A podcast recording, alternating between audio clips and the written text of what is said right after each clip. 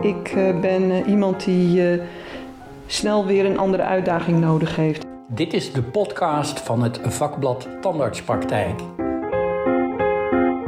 In deze aflevering praat Sander Loos met tandarts-endodontoloog Marga Ree over het vak. Ik, ik, kreeg een behoefte om van een wat, wat kleiner stukje van het vak gewoon meer, meer te, te weten, meer te kunnen, uh, ja, me daar meer in te verdiepen. En over het pensioen, dat maar geen pensioen wilde worden. Ik moet je zeggen, na een aantal uh, uh, weken eigenlijk al, begon ik uh, Paul een beetje op zijn zenuwen te werken.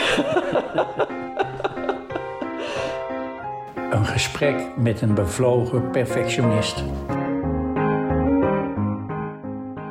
Uh, Margareet, tandarts en odontoloog. Um, jij bent al een tijdje actief in het vak en eigenlijk dacht ik, uh, ik heb gelezen, uh, je stopt er een beetje mee, maar niks is minder waar, hè? Nou, ik ben even gestopt. Ik ben, even kijken, ja, toen de, toen de COVID-pandemie uitbrak, toen stond ik voor, nou, toch wel een beetje een zware beslissing. Ik dacht van, ga ik verder met mijn praktijk, met ja, toch wel uh, een moeilijke tijd die ik tegemoet kan zien. Of ga ik nu de knoop doorhakken en, en kijken of ik de praktijk uh, van de hand kan doen of kan, kan overdragen. Uh, dus eigenlijk heeft COVID dat een beetje versneld. maar um, het kost een nodige moeite om een afspraak met je te maken, want je zit niet thuis en je bent niet aan het tuinieren of zo. Nee, nee, nee, nee, nee. Nee, maar toen ik eenmaal die beslissing had genomen, zeggen Paul en ik hebben de praktijk, uh, Paul is mijn man, uh, we hebben samen de praktijk opgezet in 1980. Eerst 20 jaar als algemeen practicus gewerkt en de laatste 20 jaar als endodontoloog. En Paul, mijn man, die is in 2013 met pensioen gegaan. Dus ik heb de laatste 7, 8 jaar die praktijk alleen voortgezet met twee uh, assistentes, één aan de balie en één uh, aan de stoel.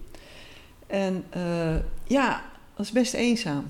Ja, hè? In je eentje. ja, je, je, je zit ja, toch in je eentje in die praktijk. Het is niet helemaal waar, want je hebt twee mensen die, die jou ondersteunen. Maar ja, ik heb geen collega's. En nou ja, Paul was natuurlijk niet meer in de praktijk aanwezig. Ja, dus dat begon ook wel een klein beetje te knagen. Dat, ik miste toch ook wel een beetje de interactie met collega's. Dus het leek me een mooie gelegenheid. Ik dacht, nou, ik ben 40 jaar actief geweest. Het is een mooie tijd om uh, te stoppen. Um, en toen deed zich de gelegenheid voor dat iemand mijn praktijk wilde overnemen. Dus toen hebben we dat in gang gezet. En um, nou ja, in het begin denk je, oh, Elke dag vakantie, heerlijk. Ik kan de krant helemaal lezen. Ik kan elke dag naar de sportschool. Ik kan nieuwe recepten uitproberen. Fietsen doen jullie graag? Fietsen, wandelen, noem het maar op. Uh, maar ik moet je zeggen, na een aantal uh, uh, weken eigenlijk al, begon ik Paul een beetje op zijn zenuwen te werken. Die begon zo voorzichtig aan, aan mij te vragen van Goh, maar is dit uh, zeker wat je wil? weet je het zeker dat je dit wil voor de komende tijd? en uh, nou ja, toen ja, dacht ik, hij heeft eigenlijk wel gelijk. Eigenlijk mis ik iets. Eigenlijk mis ik iets wat ik het graagst doe. Namelijk patiënten behandelen en zorg verlenen aan, aan, aan mensen die, die dat nodig hebben. Um, en toen kwam ik dus die vacature tegen uh, op de, die, waar een, uh, werd gevraagd op de kliniek voor parodontologie. Dat was in eerste instantie voor één dag. En later uh, heb ik dat uitgebouwd naar twee dagen. Dus ik werk nu twee dagen op de kliniek voor parodontologie. En ja, dat bevalt me ongelooflijk goed. Het, het, het vult mijn week ongelooflijk lekker aan. Ik heb nog voldoende vrije tijd. Uh, hoewel dat ook behoorlijk gevuld raakt, weer die vrije tijd. Maar wat ik heel prettig vind, is inderdaad één. Het behandelen van patiënten, deel uit te maken van het arbeidsproces, interactie met collega's, uh, het gevoel dat je iets voor mensen kan betekenen. Uh, ja, gewoon voldoening. Dus dat is heel prettig om dat, om dat nog steeds te kunnen doen. En ook om nog steeds mijn steentje te kunnen bijdragen op professioneel niveau. Je hebt twintig jaar aanvankelijk als algemeen practicus gewerkt. Ja. Toen ben je in de endo gerold, of tenminste daarmee begonnen. Van waar die omslag, ik vraag dat omdat ik dezelfde periode heb doorlopen. Eerst ook 20 jaar algemeen practicus.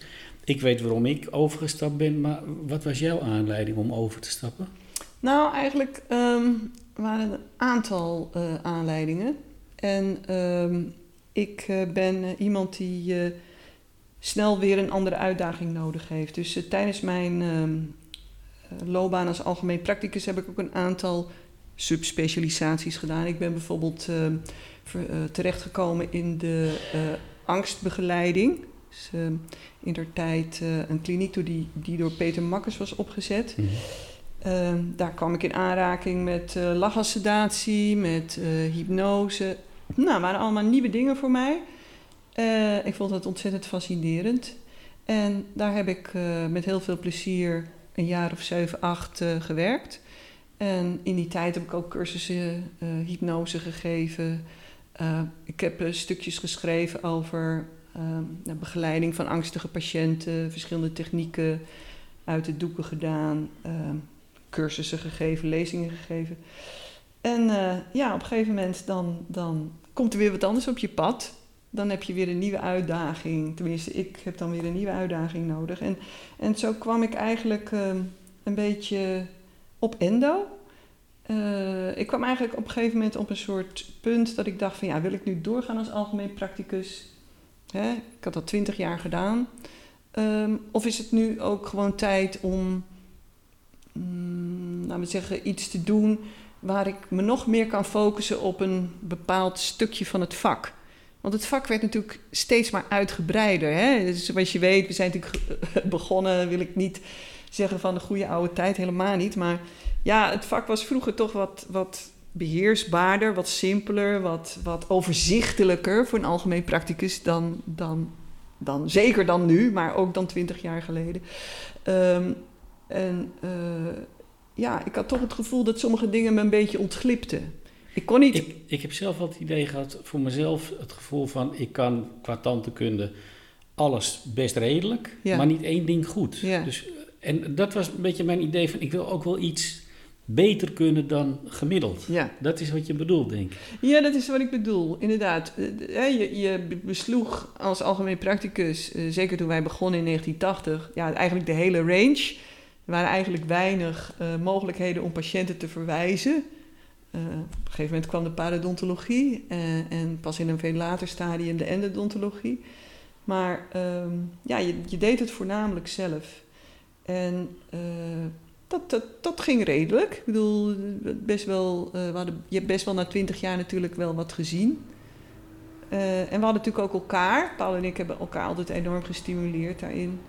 En we gingen vaak naar cursussen, we gingen naar Amerika om ook uh, in het buitenland cursussen te volgen. En, maar ja, precies wat je zegt. Ik, ik kreeg een behoefte om van een wat, wat kleiner stukje van het vak gewoon meer um, meer te, te weten, meer te kunnen, uh, ja, maar daar meer in te verdiepen. En, en, en dat was eigenlijk gewoon absoluut mijn eerste keuze. En ook op jouw lijf geschreven, je bent een perfectionist. Ik heb heel veel lezingen van je gezien. Daar blijkt uit dat je nou tot in de kleinste details een perfectionist bent. En dat is juist wat je in die endo nodig hebt. Daar kan je niet slobby zijn of zo. Nou, je wordt natuurlijk afgerekend op datgene wat je, wat je zelf doet. Hè? Je kan je nooit verschuilen achter een tandtechniker die uh, ja, niet zo'n hele mooie kroon heeft gemaakt. Of de mondhygiëne van de patiënt die toch niet optimaal was. Het is, het is gewoon wat uit jouw handen komt. Dat is uiteindelijk, uh, hè, dat kan je op een, op een, op een eindfoto zien. En, en dat is uiteindelijk waar wij als endodontologen toch een beetje op afgerekend worden. Um, en ja, aan de ene kant ligt me dat ook wel. Dat, dat tot het uiterste gaan en uh, net eventjes, uh, laten we zeggen, ietsjes verder dan uh, eigenlijk nodig zou zijn voor een voldoende resultaten. Ga ik, ga ik denk ik misschien toch nog wel een klein stapje verder. En dat geeft me heel veel plezier en bevrediging. Maar geeft dat niet ook wel eens ergernis? Dat je van jezelf denkt van, nou, Zeker. waarom moet ik nou weer Ja. nog dat extra, laat ik eens Ja. genoegen nemen Ja. met die 90% Eh, De vijand van goed is beter. Ja, Want net op het moment dat je denkt, het zou eigenlijk net even iets beter kan- kunnen, dan, dan kan je het ook eigenlijk slechter maken. En eh, soms helemaal verpesten. Eh, hè, we kennen allemaal de situatie waarin je denkt, van, nou, ik ga nog eventjes met een laatste vijltje even dat hele gemene bochtje eh, pakken. En dat dan net je vijltje afbreekt. En dan denk je, waarom deed ik dat eigenlijk? Ja. Het was eigenlijk al goed zoals het was. dus dat kan inderdaad frustrerend zijn, dat klopt. Ja. Heb je dat in het dagelijks leven ook? Ja, zeker. Ja, ja. Oeh, Ja. wat lastig voor je man. ja, mijn man heeft het er moeilijk mee soms. Ja, ja, ja. Nee, ik ben, ik ben een perfectionist in hart en nieren. En dat heeft gewoon twee keerzijdes. Het heeft een goede en het heeft een slechte kant. En soms kan het gewoon wel eens eh, tegen je werken ook. Hè, de, de- je moet ook... En Paul die zegt wel eens tegen mij... Marga, niet alles hoeft een tien te zijn. Ja, en dat, dat, is, dat is heel waar. Probeer ook de relativiteit wel in te zien. Maar ik moet zeggen, ook naarmate ik ouder word... Ik had het vroeger nog veel erger. kan ik het toch iets beter loslaten, relativeren. Eh, en dat komt natuurlijk ook omdat je in de loop der jaren gezien hebt dat een klinisch resultaat niet per se afhangt van eh, zeg maar jouw, eh, jouw handelingen. Dat soms ook dingen goed gaan, ondanks het feit dat jij iets verpest hebt. Of hè, om het dan maar even zo eh, zwart-wit te zeggen. Of ondanks het feit dat jij er niet zo heel erg tevreden over was. Dus, 20 jaar endodontoloog. Er is in die tijd, denk ik, veel veranderd in de endodontologie. Als we alleen al kijken naar handveiltjes, naar rotaries. Eh, allerlei systemen zijn er bedacht. eh, allerlei nieuwe technieken, makkelijker, goedkoper, beter, duurder. De eindresultaten zijn eigenlijk niet veel veranderd in al die jaren. Niet wezenlijk. Nee, niet wezenlijk. Ehm, ik heb, eh, denk iets van drie jaar geleden, heb ik een onderzoekje gedaan in mijn eigen praktijk. Ehm, ik was toen eh, ja, bijna 40 jaar eh, eh, algemeen practicus en, en, en odontoloog. En ehm, eh, onze praktijk ehm, ja, die, die had een heel aantal patiënten die vanaf het begin af aan bij ons geweest zijn. En een groot deel van die mensen had ik nog steeds na die 40 jaar. En ik heb toen een, een onderzoek gedaan waarin ik gekeken heb naar ehm endodontisch behandelde elementen, of door mij of door Paul, die ook door ons gerestaureerd zijn. Hè? Dus endo's gedaan bij patiënten en daar ook eh, restauraties op gemaakt. En vervolgens heb ik ehm, na eh, een minimale follow-up eh, van eh 20 jaar, heb ik die mensen teruggezien. En de, de, de, de, eis was dat de endo en de restauraties er minstens 20 jaar in moesten zitten. Dus minimaal follow-up van 20 jaar en een maximale follow-up van 39 jaar. Dus tussen 20 en 39 jaar. Ik heb die mensen teruggezien. Ehm, niet allemaal natuurlijk, want niet iedereen kon teruggeroepen worden. Maar ik heb dus in die patiënten, ik had iets meer dan 450 eh endodontisch behandelde en gerestaureerde elementen. En ik heb die mensen eh, klinisch onderzocht. Ik heb röntgenfoto's gemaakt. En eh, ja, de endo's die wij toen deden als algemeen practicus, was met handveilen, Laterale Hè, condensatie. Laterale condensatie. Wel natuurlijk allemaal keurig onder rubberdam en zo. Eh we hadden goud porseleinkronen. Hè. Op elk endodontisch behandelde element moest een goud porseleinkroon. Ehm, en wat mij opviel, is dat ehm, er van die ja, meer dan 450 e- endodontisch behandelde elementen... er eigenlijk maar heel weinig ehm, geëxtraheerd waren in de loop van hè, die, die, die, die tijd...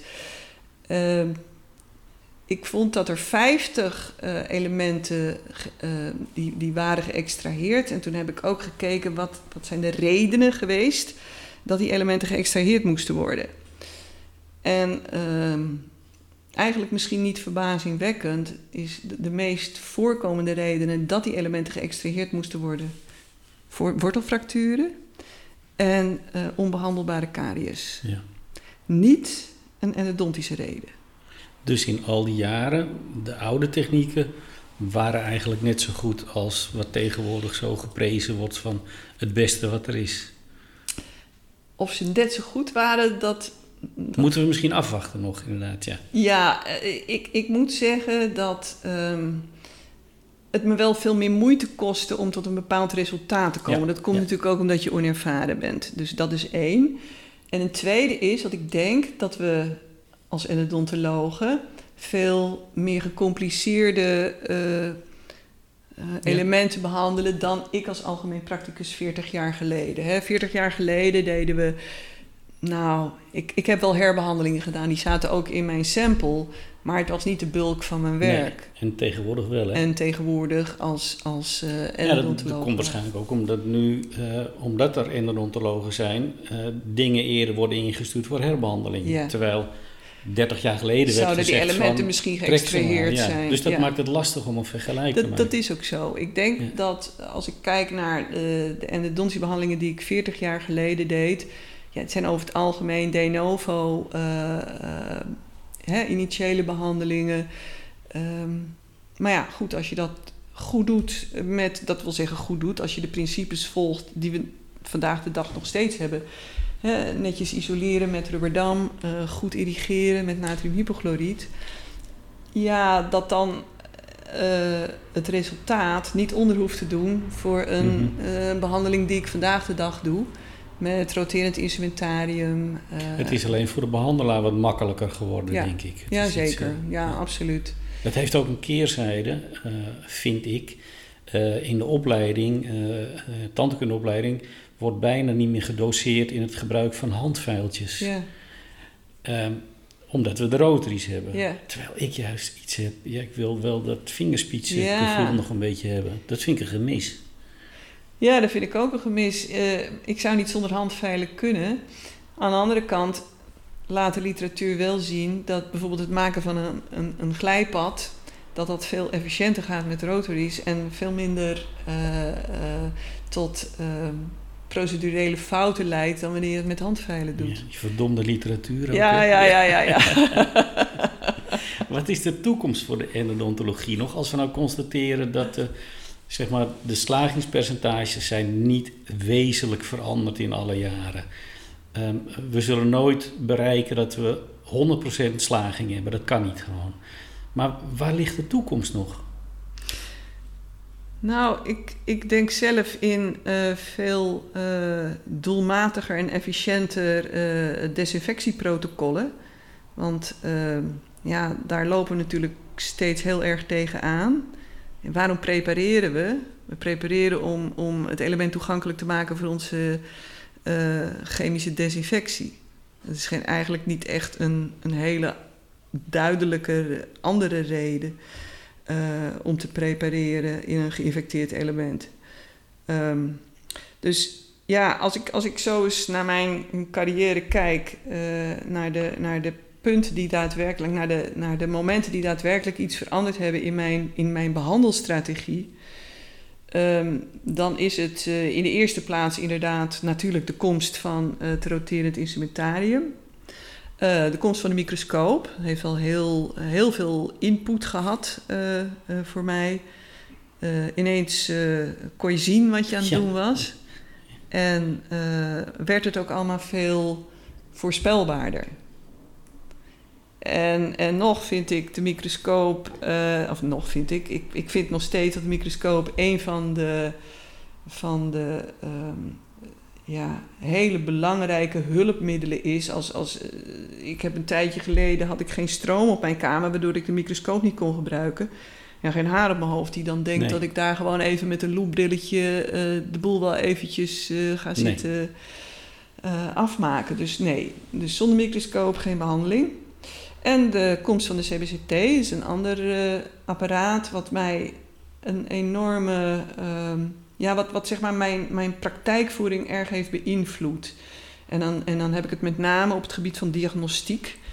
Waar, waar je dus veel duidelijker en veel voorspelbaarder kunt kijken van ja, wat is er daadwerkelijk aan de hand? Wat is de diagnose hier van het, van het element of de elementen waar het om gaat? Met chirurgie, planning van de chirurgie, is het haalbaar om door die corticalis te gaan? nou ja, zo zijn er heel veel voorbeelden. Ehm, eh, die, die met de CBCT daadwerkelijk, vind ik, een, een verschil maken. Met, met die extra informatie die je daaruit kan, kan halen. En wat ik denk dat, het, dat de twee volgende belangrijke dingen zijn, in feite zijn ze al op de markt, is uh, Guided Endodontics. Ja. dat is ja, de statische, je hebt de statische waarbij je een, een met software een bepaalde mal maakt. Hè, en met die mal ga je dan een, bepaald, een bepaalde richting je endodontische opening um, creëren. Waardoor je hè, minder weefsel uh, hoeft op te offeren, waardoor je doelgerichter bij je wortelkanaalstelsel kunt komen. Maar met name de dynamische uh, endodontische navigatie, die met trackingcamera's uh, boven je hoofd je in instant input geeft over welke richting je met je, je boor uit moet. Ja, ik denk dat dat wel een, een, een absolute, hoe zal ik het zeggen, um, revolutie is misschien een beetje een groot woord, maar eh, ik, ik denk zeker dat we met, met deze techniek heel veel weefsel kunnen sparen. En we weten allemaal natuurlijk ook uit de literatuur dat hoe meer weefsel je spaart, des te langer de levensduur van een element is. Dus dat is één. En het tweede denk ik toch zeker dat eh, de laser een grote rol gaat spelen bij de ondersteuning van, uh, van onze irrigatieprotocollen. Want dat kan de, eh, de opening beperken ook. Hè? Gebruik van laser is Zeker. zeer weefselbesparend ja. ten opzichte van wat we nu doen natuurlijk. Zeer weefselbesparend. En um, ja, ik, ik, ik volg um, de... Ik, ik zit op een forum waarin mensen hun, uh, hun gevallen uh, posten. Um, en veel mensen werken, werken daar met lasers. Uh, en als je dan ziet wat de resultaten daarvan zijn... en als je ziet hoe minimaal invasief er geprepareerd hoeft te worden... zelfs je kunt met de laser ook prepareren. Hè? Je hoeft eigenlijk niet eens een, een, uh, een handstuk op te pakken. Je hoeft, uh, je hoeft met een laser, met een old tissue laser kun je een endodontische opening maken. Uh, je kunt een kanaal prepareren. je kunt desinfecteren. je kunt hem zo instellen dat je bijvoorbeeld het composiet rond een, rondom een post weghaalt en niet niet dieper en niet uh, zeg maar dentine aanraakt en dat soort dingen. Uh, heeft toepassingen uh, in de chirurgie. Ja. ja, ik, ik denk zelf dat dat een, een tool is waar we heel veel meer van gaan horen. En, en, en dat op een gegeven moment ja, toch, toch voor een, een omwenteling zorgt zoals de microscoop en, en de CBCT mhm. hebben gedaan. Ja. Eh, we praten in het kader van 40 jaar eh, bestaan van de Nederlandse Vereniging voor Endodontologie. Daar ben jij in het verleden ook altijd heel actief voor geweest, heb je veel voor gedaan. Ehm, als je nu het huidige bestuur van de NVVE een advies zou mogen geven voor de komende 40 jaar, wat moeten ze doen? Oh jee, gewetensvraag. Oeh. Of moeten we dat niet doen? Want dan zijn het weer die oude knarren die het beter ja, weten. Nou ja, ik moet zeggen dat ik, dat ik er wel bewondering voor heb dat uh, de NVVE eigenlijk vanaf het begin af aan een, een, uh, een vereniging is uh, en is geweest voor met name algemeen praktici. Terwijl in heel veel landen zie je dat eigenlijk alleen maar specialisten een, een endovereniging of verenigd zijn in een endovereniging. Ik denk dat wij daar wel een beetje uniek in zijn in Nederland. Dus ja, ik vind dat wel een hele goede zaak. Dat, uh, dat algemeen praktici uh, uh, eigenlijk, ja, die maken eigenlijk voor het grootste deel deel uit van, van onze vereniging. En om je alleen op de endodontologen te richten is denk ik niet, nou ja, het is, kijk, de endodontologen denk ik zorgen wel een beetje voor zichzelf. Die zitten eigenlijk toch altijd wel dicht bij het vuur. die hebben zich meestal ook wel verenigd, zoals wij ook in een, in een studieclub, hè, waarin ideeën uitgewisseld worden. Hoewel dat voor mij ook nog wel ietsjes intensiever zou mogen. Ja, ja, ik herinner me dat jij een keertje met een uh, voorstel kwam om een Facebook-account op te richten, om daar uh, casuïstiek te delen. Ja, en dan zijn het eigenlijk altijd dezelfde mensen die, ja, jammer, die, dat, die dat doen. En Dat, dat, ja, dat vind ik jammer. Als ik, en dat, dat vind ik een van de leuke dingen om, om lid te zijn van internationale fora. Dat je, ja, met mensen over de hele wereld gewoon uh, ideeën kunt uitwisselen en uh, nieuwe uh, kennis kan nemen van nieuwe technieken. Ehm, het is heel laagdrempelig. Ja. Wat ik wel leuk aan die NVVE vind, het is altijd een jong en enthousiast bestuur. Ja. Dat vind ik zo grappig. Het zijn niet die, die, niet die oude rotten die er allemaal in zitten, maar er komen steeds, komt er weer jong bloed. Dat vind ik heel goed voor zo'n club. Zeker. Ja, ja dat, dat, dat, ben ik met je eens. En er zijn ook altijd mensen die daar. Uh, die daar ik heb zelf uh, een tijdje als uh, aantal jaren als secretaris gewerkt. het is best wel tijdrovend. Je moet er best wel tijd in steken. Um, en ja, het organiseren van congressen en dat soort zaken. Um, en, en zo cursussen door het land. Ja, dat vergt toch wel wat, wat, wat energie. Um, ja, dat, dat, dat vind ik dat ze dat, uh, dat, ze dat prima doen.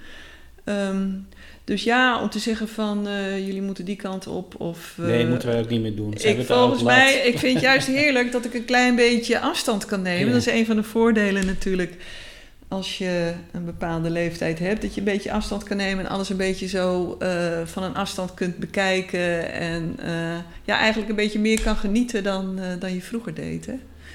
40 jaar uh, tandheelkunde, waarvan 20 jaar endodontologie. Um, ik zou zeggen nog 20 jaar endodontologie erbij. Uh,